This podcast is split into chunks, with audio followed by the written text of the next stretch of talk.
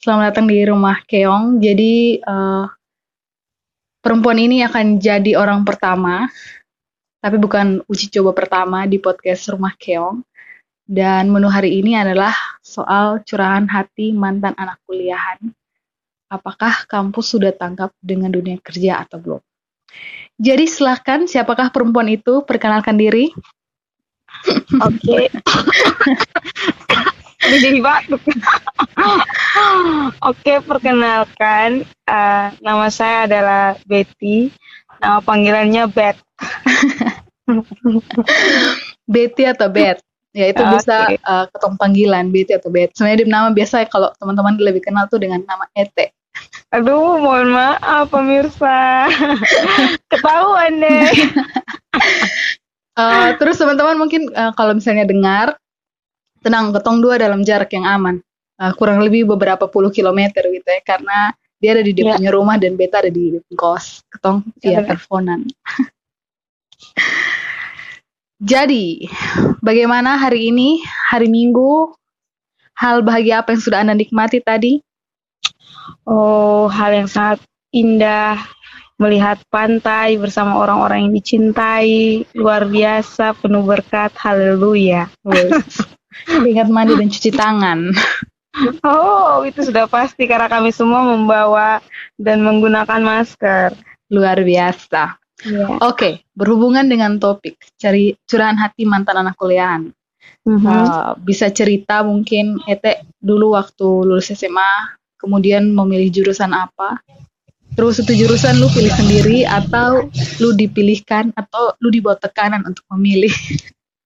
Oke, okay, jadi uh, jujur waktu itu beta sangat-sangat uh, mencintai beta punya jurusan karena dulu beta SMK jurusan teknik komputer dan jaringan. Uh. Karena tahu spesifikasinya lebih ke hardware, hmm. lebih ke perangkat keras. Jadi ketika beta mau melanjutkan kuliah, sebelumnya beta uh, konsultasi di beberapa beta punya senior dan beta guru. Kemudian beta guru uh, menceritakan tentang di salah satu tempat kuliah yang kemudian beliau kuliah di tempat yang sama seperti beliau. Jadi uh, beliau bilang di situ tuh dia belajar soal uh, lebih ke fokus ke dia punya uh, apa istilahnya dia pembagian elektronika lah tetap hardware tapi lebih ke elektronikanya. Nah kalau misalkan waktu ketemu di SMK kalau misalkan ada alat-alat komputer yang rusak itu biasanya solusinya ketong ganti bukan ketong perbaiki. Lem nah makanya mm, makanya beta ketika mau pilih jurusan uh, be punya besok ada bayangan ke depan nih. Kalau beta suatu saat beta bisa memperbaiki alat yang suruh yang surusak ini beta bisa kemudian memperbaiki dia. Okay. Jadi beta ekspektasi adalah ketika beta sampai di sana, beta akan lebih uh, lebih hebat, bukan lebih hebat, justru lebih tahu caranya untuk bisa memperbaiki. Memperbaiki hati juga berarti. Kenapa? Memperbaiki hati juga. Aduh, kalau hati itu urusan lain lagi, mohon maaf. oh, berarti uh, secara tidak langsung memang karena mm -hmm. sudah relate dengan ET punya jurusan waktu SMK mm -hmm. dan dapat banyak masukan dari senior dan guru, kemudian ya akhirnya menetapkan hati dengan teguh ya pada jurusan iya, kuliah. Dan tanpa tekanan, beta memang memilih sendiri. Oh, lumayan hmm. luar biasa. Kalau begitu dia jurusan apa dulu? Lu sang beta dia jurusan apa?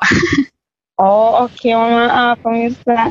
Jadi beta waktu itu memilih jurusan teknik elektro. Nah, oh. teknik elektro itu ada tiga bidang minat hmm? dan beta dari awal adalah uh, salah satu perempuan yang paling kokoh dan teguh. Kenapa dia bilang begitu? Ya. Karena di dia punya jurusan sendiri, dia angkatan sendiri. Ketong cuman ada enam cewek waktu itu mm-hmm. dengan total mahasiswa ada uh, pertama masuk sekolah biasanya salah ada 50 kemudian sisa 30 salah tapi cewek memang dari awal cuma enam hmm. kemudian sisa lima berarti dan dia sendiri yang hmm. uh, pilih konsentrasi teknologi informasi dari awal. Sedangkan beberapa teman yang lain tuh kayak dong masih bimbang gitu tuh mau masuk yang mana. Wes berarti memangnya niat dari awal tuh su seteguh batu karang kota Kupang oh benar sekali. Malah dia ajak beberapa teman untuk ikut bersama-sama dengan sama malahan B menjelaskan prospeknya ke depan hmm. sesuai dengan yang B bayangkan. Hmm. Terus uh, ketika lu masuk kuliah, mata kuliah yang lu dapet tuh kira-kira relate sama lu kehidupan gitu? Uh, kalau untuk relate dengan dia punya jurusan sih mungkin relate sedikit ya kak. Hmm. Tapi menurut beta secara garis besar uh, dari apa yang diajarkan, hmm. beta rasa itu semua bisa didapatkan di internet. Oh oke. Okay. Padahal sebenarnya menurut beta memang ketong berhitung memang wajib karena hmm. itu mengajarkan ketong uh, ke mana caranya supaya ketong logika lebih jalan. Hmm. Karena pastinya ketika ketong uh, berhitung, itu kan itu ada beberapa di, di elektronika yang ketong akan hitung juga nilai. Jadi ketong bisa memprediksi memang. Tapi kemudian hmm. uh, ada beberapa, beberapa hal seperti uh, contoh kasus ketika ada dosen yang mengajar, kemudian beliau cuma membaca hasil persentase yang persentasenya itu sudah jelas-jelas sudah terpampang nyata oh, di iya. slide terus baca kembali. Gitu, ya? hmm. Hmm. Jadi menurut B uh, dan beta adalah tipe orang yang ketika besoknya be kuliah apa, be malamnya tuh kayak besok mempersiapkan diri memang hmm. tuh karena saking mencintainya beta dengan ini jurusan oh. awal mulanya. Hmm. Tapi kemudian kayak membuat B akhirnya kecewa sendiri. Bem okay. kesalahan sendiri adalah biasanya bisa bertahan untuk mengontrol bem kekecewaan. Dan itu sangat terlihat begitu ya? Ya. Ya, semoga tidak dengan membocorkan ban motor atau ban mobil dosen. Oh, tidak sampai seperti itu. Cuman ada beberapa puisi dan kata-kata sarkas untuk mereka juga. Oh, menarik sekali. itu bisa dibahas ntar. Kalau uh, relate dengan pekerjaan, ke mana? Yang uh, pekerjaan di dunia luar khususnya dengan etek penjurusan ya mm-hmm. yang etek tahu apalagi kan mm-hmm. uh, etek sekarang kan lulus kuliah nih kemudian mm-hmm. Uh, sudah mencicipi beberapa pekerjaan menurut mm-hmm. etek kemudian dengan jurusan yang etek su rasakan di dunia kuliah mm-hmm. itu kemudian relate tidak dengan yang etek alami sekarang uh, kalau secara khusus sih B merasa uh, dalam B kenyataan sendiri soalnya ada ada punya relate-nya hmm. malahan ini kebetulan ilmu yang memang bes beruntung be dapatkan ketika be SMK. Justru ini ilmu yang kemudian be gunakan di tempat kerja kebanyakan. Bukan kebanyakan sih di tempat kerja yang be lamar selalu be gunakan be punya uh, skill yang be dapat ketika be SMK yang kemudian be kembangkan le. Hmm. gitu sih kak. Oh, beradaptasi bisa soalnya be bilang begitu.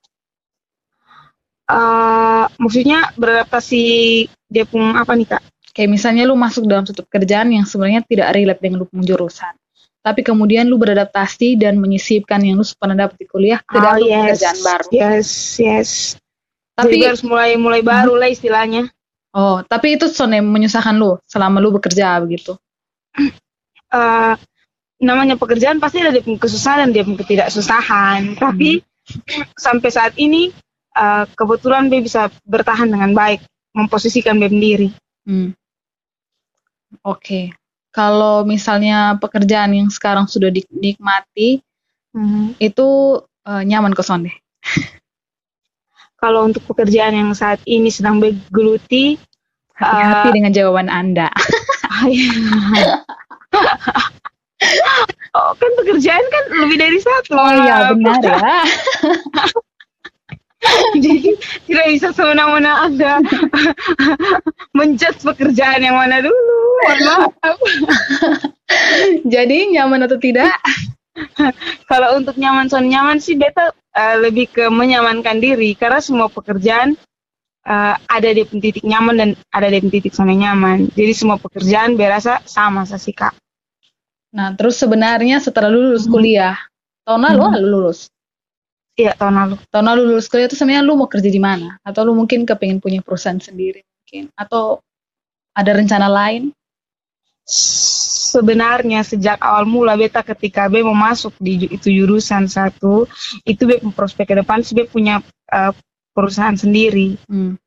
Jadi B bisa mempekerjakan anak-anak SMK hmm. uh, atau anak-anak yang dari B jurusan tuh dia punya perusahaan.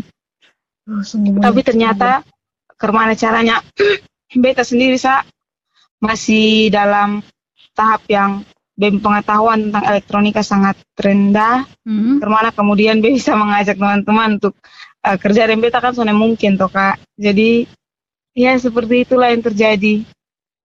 Lu mencari tambahan-tambahan ilmu pengetahuan sebagai pondasi yang kuat ya? Ya, benar sekali. Kenapa lu mau bangun perusahaan? Dan lu mau bangun perusahaan apa sih sebenarnya? Ya, gue mau bangun perusahaan yang uh, dia fokusnya ke bidang teknologi informasi, entah itu hardware atau itu software.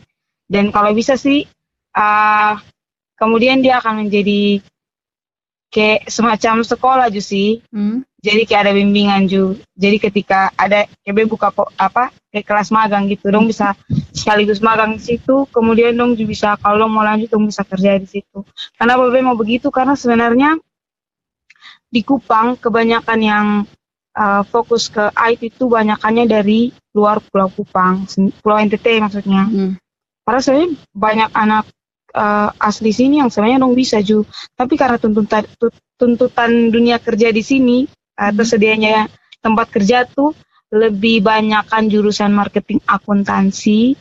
Makanya kemudian akhirnya dong sana lanjut lagi karena dong bahkan dong mau sekolah lanjut untuk ambil uh, elektronika apalagi perempuan saya dong akan pikir panjang. Ini nanti abis ini ketemu mau kerja kerja di mana iya sih karena dia punya lapangan kerja jadi uh, sempit ya sedikit ah. Hmm, hmm, hmm, Terus menurut lu lu pun jurus nih familiar sama di orang ya? Kayak gimana nih? Kayak misalnya lu bilang beta kepingin buat perusahaan untuk ini, oh kotongnya ada jurusan I, ini komunikasi dan elektro dan informasi dan elektro lah misalnya. Uh-huh. Lu uh, orang familiar soalnya sih dengan orang lu pun jurusan kayak atau lu pernah soalnya lu pas kuliah orang hmm. tanya eh lu kuliah di mana? Lu jawab bilang oh beta hmm. kuliah di elektro jurusan ini.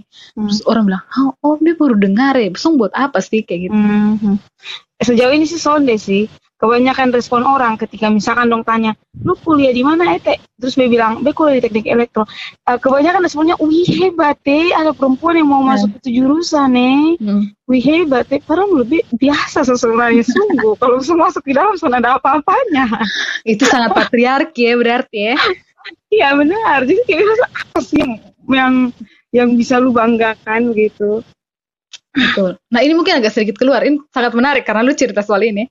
Uh, okay, okay. Ketika lu kuliah, uh, mm-hmm. perempuan kan cuma lima orang nih.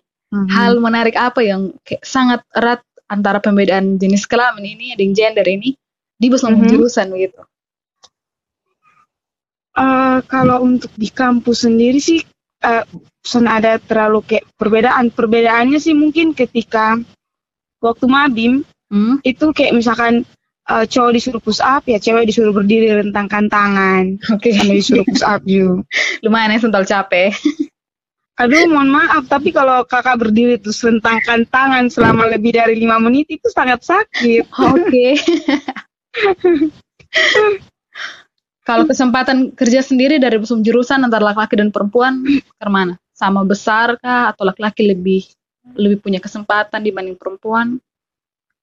Uh, kalau ini beta beta belum uh, belum benar-benar kayak belum tahu kak dan Beju belum tanya secara spesifik dari senior senior yang lain tapi kalau sepanjang uh, dari yang beta kenal bepung senior yang dari dua tahun di atas beta tuh hmm. itu kebanyakan dong sonde kembali ke dong kerjanya bukan kembali ke dong penjurusan sih oh. dong kerja di ada yang kerja uh, sales pokoknya hmm. marketing lah kak hmm atau admin.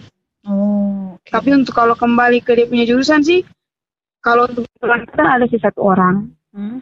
cewek. Misalnya sih, ya itu, sonde, sonde sesuai dengan ini bidang kuliah yang dong geluti, yang ketong geluti. Yang penting dia bisa memenuhi kebutuhan hidup ya. Yes. Oke, okay. uh, kan tadi ketong pun topik kan soal kampus tanggung dunia kerja. Mm -hmm uh, cukup sharing pengalaman pribadi tentang mm -hmm. tidak jurusan yang dunia kerja. Mm -hmm. Kalau melihat kampus secara garis besar sendiri, sebenarnya Ete kepingin kampus yang seperti apa sih yang kemudian menurut Ete tuh dia tanggap dengan dunia kerja? Nah, menurut Beta sih mungkin yang paling pertama uh, dunia kampus mungkin bisa bikin dia fungsi tentu sonde sonde ribet kalau bisa. Hmm. Semisal nih ya kak, ya, kalau ketemu mau urus daftar kerja praktek sah depo alur tuh sangat panjang bahkan itu bisa memakan waktu uh, lebih dari satu minggu. Be punya pengalaman nih waktu be urus uh, surat kerja praktek hmm. waktu itu uh, dikasih surat ke bagian fakultas kan biasanya yang ngurus fakultas. Hmm. Nah dari fakultas kemudian dong suruh tunggu selama satu minggu. Bisa untuk kenapa itu alasannya harus disuruh tunggu satu minggu. Mungkin nah harus. setelah satu minggu beta datang dan becek. Terus kata uh, pegawainya belum ada suratnya. Terus dia keluar nih kak dari ruangan. Hmm. Terus dia ketemu teman hmm. yang sama-sama antar surat dengan beta itu saat. Hmm, terus dia bilang, hei lu surat ini lu ambil. Terus dia bilang, uh, katanya itu ini pegawai belum ada. Terus ada tadi ada di bawah surat. itu, itu satu sumpah nih kak, be kepingin masuk dan be kepingin uh, apa? Kayak kepingin mati gitu tuh, kayak kepingin marah. Tapi karena uh, apa? mungkin uh, ini pegawainya mungkin tahun suka dan beta mungkin ya kak. Ya. Jadi kemudian beta telepon teman yang dia juga satu tempat kafe dengan beta. Terus hmm. beta telepon dan marah dia. Dia bilang lu harus datang sekarang apa pun yang terjadi. Kalau lu sudah datang berarti beta akan kafe sendiri. Jadi kemudian terus dia bilang gini. Terus kalau bisa lu datang, hmm? lu tau usah mandi pakai pakaian throwback. Kenapa hmm. bilang begitu? Karena sepertinya itu ibu melihat cara melihat beta tuh kayak entah nggak bisa mengerti lah. Tapi mungkin juga asumsi sah. Hmm. Tapi kemudian pas BEM teman datang, BEM teman minta surat, suratnya ada. Sangat luar biasa. Betul. Tuh, tuh. Jadi lu asumsi itu sebenarnya apa? Lu kalau yang berpakaian rapis tidak bisa dapat akses gampang atau permana? Iya sih, lu terlihat lebih rapi dan lebih sedikit berwarna begitu tuh agak sedikit kena sensi mungkin ya. Oh. Belum tahu lah. Mungkin itulah Baik. susahnya jadi wanita kok.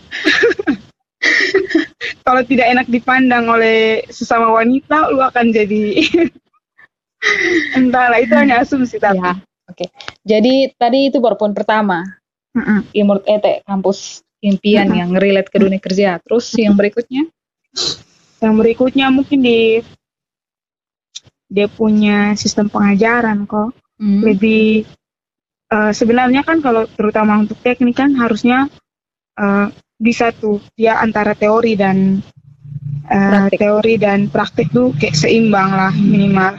Nah kalau yang B jalani selama beta kuliah waktu itu dia punya teori sih lebih ke 90% gitu tuh, 10 persennya praktek. praktek. Oh. Bahkan uh, bahkan seingat beta tuh kalau untuk elektronika sendiri tuh uh, sangat sedikit malahan. Bahkan ketika waktu dia masuk di semester lima, semester lima, ha, itu tuh kan mata kuliahnya kebanyakan sudah sangat fokus dengan uh, teknologi informasi.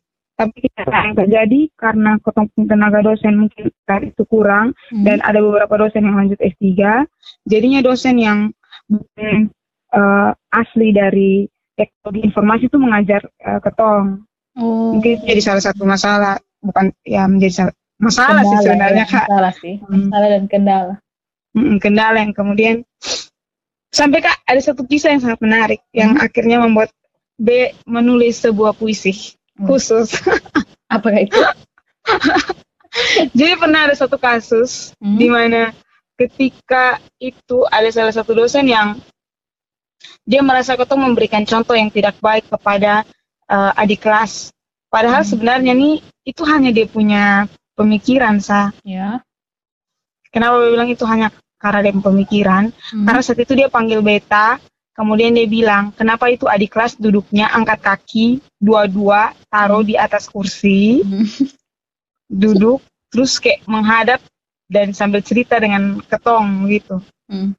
Dia bilang, oh itu ibu karena dia lagi sakit dia mengeluh dia pusing makanya ketong kasih suruh dia duduk begitu hmm. nah terus kemudian tiba-tiba besoknya pas mata kuliahnya beliau hmm. Beliau langsung uh, omong bahas soal itulah soal apa itu hari kemanusiaan lah pokoknya kayak norma-norma begitu uh -huh. nah kemudian itu tuh mata kuliah uh, harus disebut mata kuliah kok tidak usah tidak usah disebutkan oke okay. jadi kemudian dia suruh ketong untuk uh, mempelajari mata kuliah sosial yang dari hmm. fisik baca itu jurnal tuh kak hmm. dia suruh ketong uh, baca itu jurnal terus ringkas itu jurnal Oke. Okay. Padahal sebenarnya isi di dalam itu jurnal, hmm. kalau kita mau baca dari awal sampai akhir, itu tuh sebenarnya ada singgung juga tentang ke mana uh, dosen sendiri menjadi salah satu contoh gitu tuh. Hmm.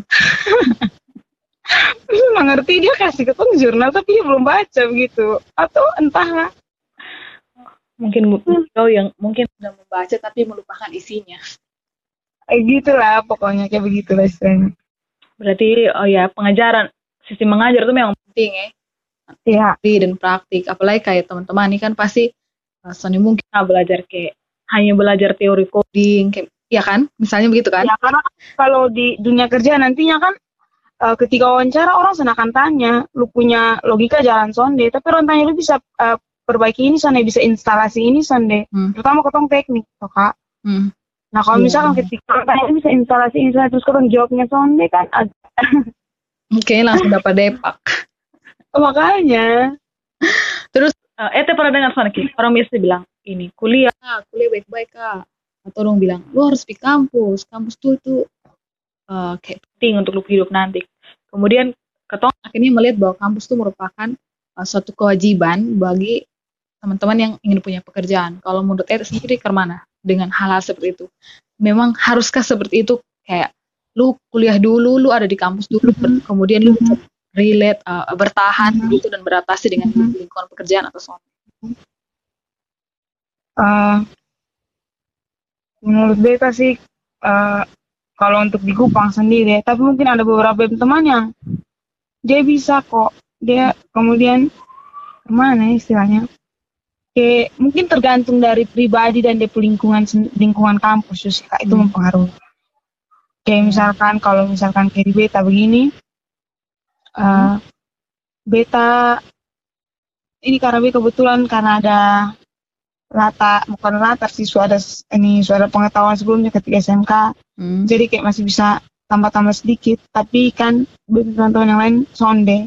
Makanya kemudian ketika uh, kuliah tuh berasa uh, ijazah sih yang menjadi dong punya tulang punggung untuk dapat pekerjaan lah istilahnya.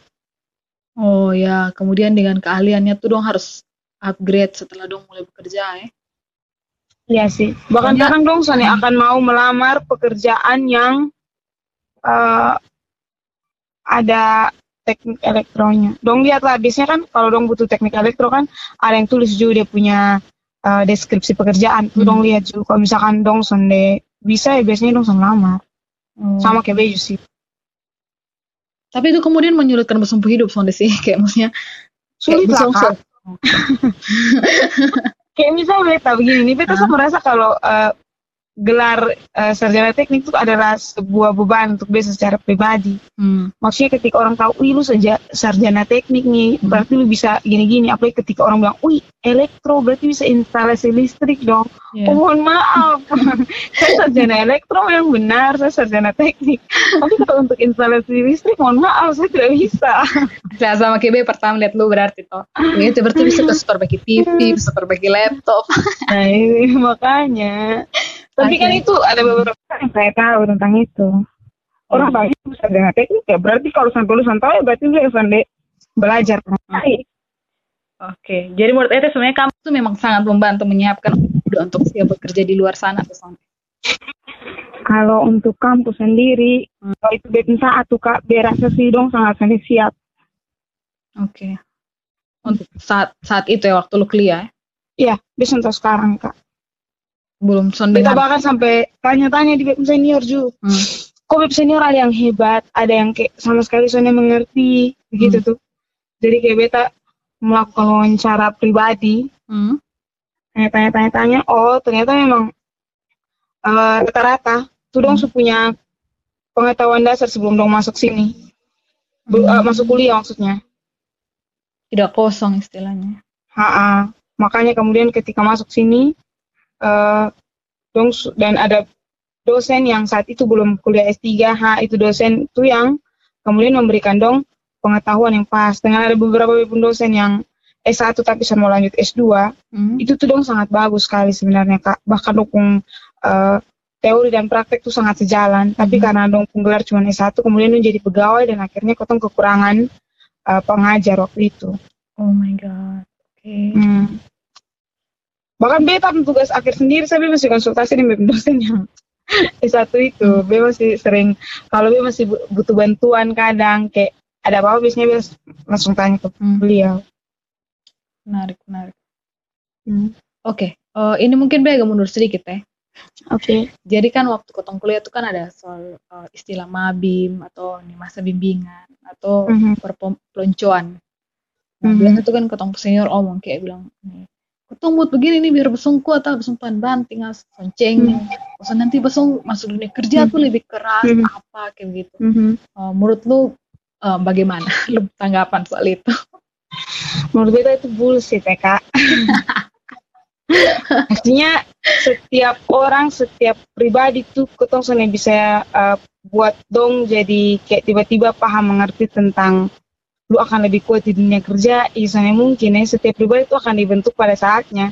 Lu sana bisa secara langsung kayak langsung memaksa itu orang saat itu juga dengan memberikan lu punya teori mabim yang menyatakan kalau lu akan dengan mabim lu akan menjadi uh, hebat ketika lu di dunia kerja itu bullshit ya Hmm. Jadi itu bullshit. Kesimpulannya itu yeah. bullshit saudara-saudara. Iya, itu tidak benar saudara-saudara. Jangan percaya senior. senior yang mabing itu cuma karena lo lagi stres dan butuh hiburan sebenarnya. Dan biasanya ke anak-anak yang tidak tahu apa-apa itu. Oke. Okay. Dan saat itu psikologi anak-anak baru itu sangat dipermainkan. Ya, mental-mental ya orang bilang kayak apa dia sonde tahu gambaran di Malah itu membuat orang jadi dendam loh. Beta secara pribadi akhirnya kayak ada rasa sedikit uh, emosi dan marah terhadap beta senior. Hmm. Ketika selesai mabim bahkan beta pernah uh, kayak uh, toe begitu istilahnya kayak peduli lah dengan beta senior setiap beta pulang kampus ya beta langsung pulang ke rumah. Beta akan duduk-duduk kumpul-kumpul dan dong. Hmm. Gitu. Menarik, menarik. Terus menurut Ete, uh, hmm Sebenarnya kampus seperti apa yang dia tangkap di dunia kerja? Kampus yang tangkap dengan dunia kerja, ya. wah ini dia filosofi besar sekali ya. ya Karena kayak misalnya, kayak misalnya nih, kalau kayak uh universitas negeri ini kan, uh, kalau dilihat dia punya fakultas, mungkin semua akan lebih prefer ke teori lebih besar daripada praktik. Ya. Nah, tapi kan ada kampus swasta di luar yang memang dia langsung kayak di jurusannya kayak yang teman-teman hmm. di uh, politeknik dan lain-lain gitu kan. Hmm. Tapi uh, apakah itu yang membuat dong lebih siap dong kampus lebih tanggap di dunia kerjanya dunia kerja di luar atau sebenarnya ketumpung kampus sih menurut lo? Um, kalau sonde kalau begitu menurut lo mm-hmm. harus seperti apa itu kampus baru dia tuh tanggap di dunia kerja? Kampus kalau tangkap di dunia kerja hmm itu kampus yang uh, ke mana ya? Karena kampus sendiri nih kak, dong hmm. kan pasti uh, aturannya dari pusat toh hmm. untuk bentuk uh, jurusan dan fakultasnya dari pusat sana. Uh, tapi kemudian menurut beta, dong bisa tanggap ketika uh, dong bisa memberikan yang kembali lagi bukan cuma teori tapi hmm. juga skill praktek sehingga mahasiswa secara siap juga dong uh, dong mental sudah terbentuk ketika itu. Ketika dong punya skill tuh ketika dong keluar dari kampus secara ini psikis dong kayak merasa eh punya kemampuan dia yakin dia bisa gitu. Nah ketika ada beberapa teman yang dong sana punya skill kayak bahkan teori kayak di bawah rata-rata begitu tuh kak. Bukan menghina ini. Nah, iya. maaf ya saudara-saudara. Ah gitu tuh kayak karena sudah terlanjur masuk begitu tuh. Hmm uh, kemudian dong keluar dan dong merasa dong sana punya kayak skill apa apa begitu kan kan sedih ju secara yeah. dong mau cari kerja paling dong pun mental kayak hanya terbentuk ya pekerjaan apa saya dong dapat saya intinya ada pekerja nah kalau misalnya dia punya masalah begitu uh, hmm. mungkin secara tidak langsung berarti kayak ada beberapa kampus yang mungkin tidak tidak bisa tanggap dunia kerja karena sudah diatur ya nah hmm. kemudian seharusnya apa yang harus dipersiapkan dan dipelajari oleh mahasiswa biar dia sendiri tuh bisa menghadapi dunia kerja Selain dia harus yang, siap di mental ya. Mm-hmm. Kira-kira harus dengan cara apa lagi? Dia harus belajar dari luar. Dia jangan pernah, jangan pernah percaya kampus. Kampus tuh lebih menyediakan lupa administrasi ketika lu melamar pekerjaan. Jadi kalau bisa uh, pengetahuan tuh ambil dari senior ya. Menurut lu dia punya kemampuan lu belajar dari dia. Karena Beb uh, sendiri juga belajar dari Beb senior bisa. Terus Beb juga belajar di luar dari kampus. Ya dari dari luar dari kampus sih seperti apa? Iya. Belajar di pasar kah? Di mana kah? Oh bukan, mohon maaf. Karena beta basicnya ke teknik toh.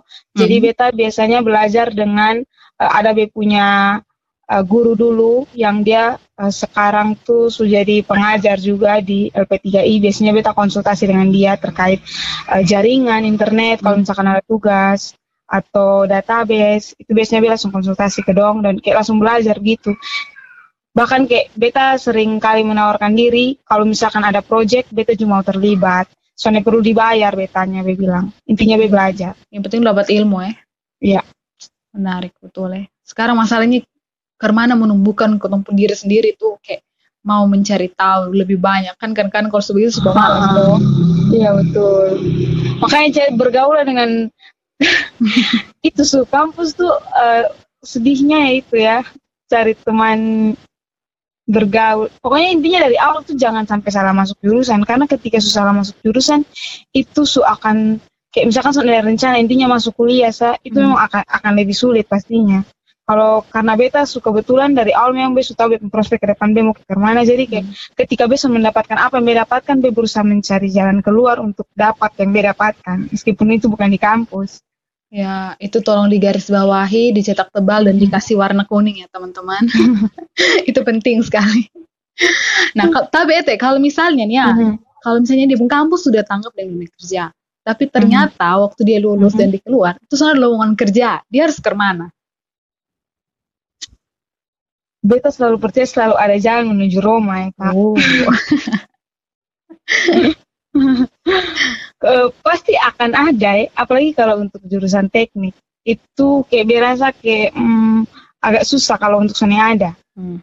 Intinya pasti ketemu mulai-mulai duluan so bisa kayak ketemu langsung dapat pekerjaan besar. Hmm. Kalau ketemu prospek kayak langsung bisa dapat uh, tempat yang besar, boleh son papa. Mimpi kan boleh besar. Intinya mimpi seimbang dengan skill yang ketemu punya Ju. Kalau hmm. mimpinya lebih besar daripada eh ha, mimpinya lebih besar daripada skill kan itu kan agak maksudnya realistis sih dengan uh, realistis dengan realistis dan tanggap dengan dunia kerja intinya. Berarti seharusnya yang tanggap dunia kerja ini kampus atau mahasiswa? Kampus harus uh, kampus sebagai salah satu media pembelajaran harusnya jadi jalan untuk mahasiswa orang tangkap dunia kerja. Tapi kemudian kembali dengan uh, diri mahasiswa. Jadi dua-duanya ya Ju harus punya peran dan kontribusi untuk tanggap dunia kerja juga. Jadi misalnya satu. Ya betul betul. Mm-hmm.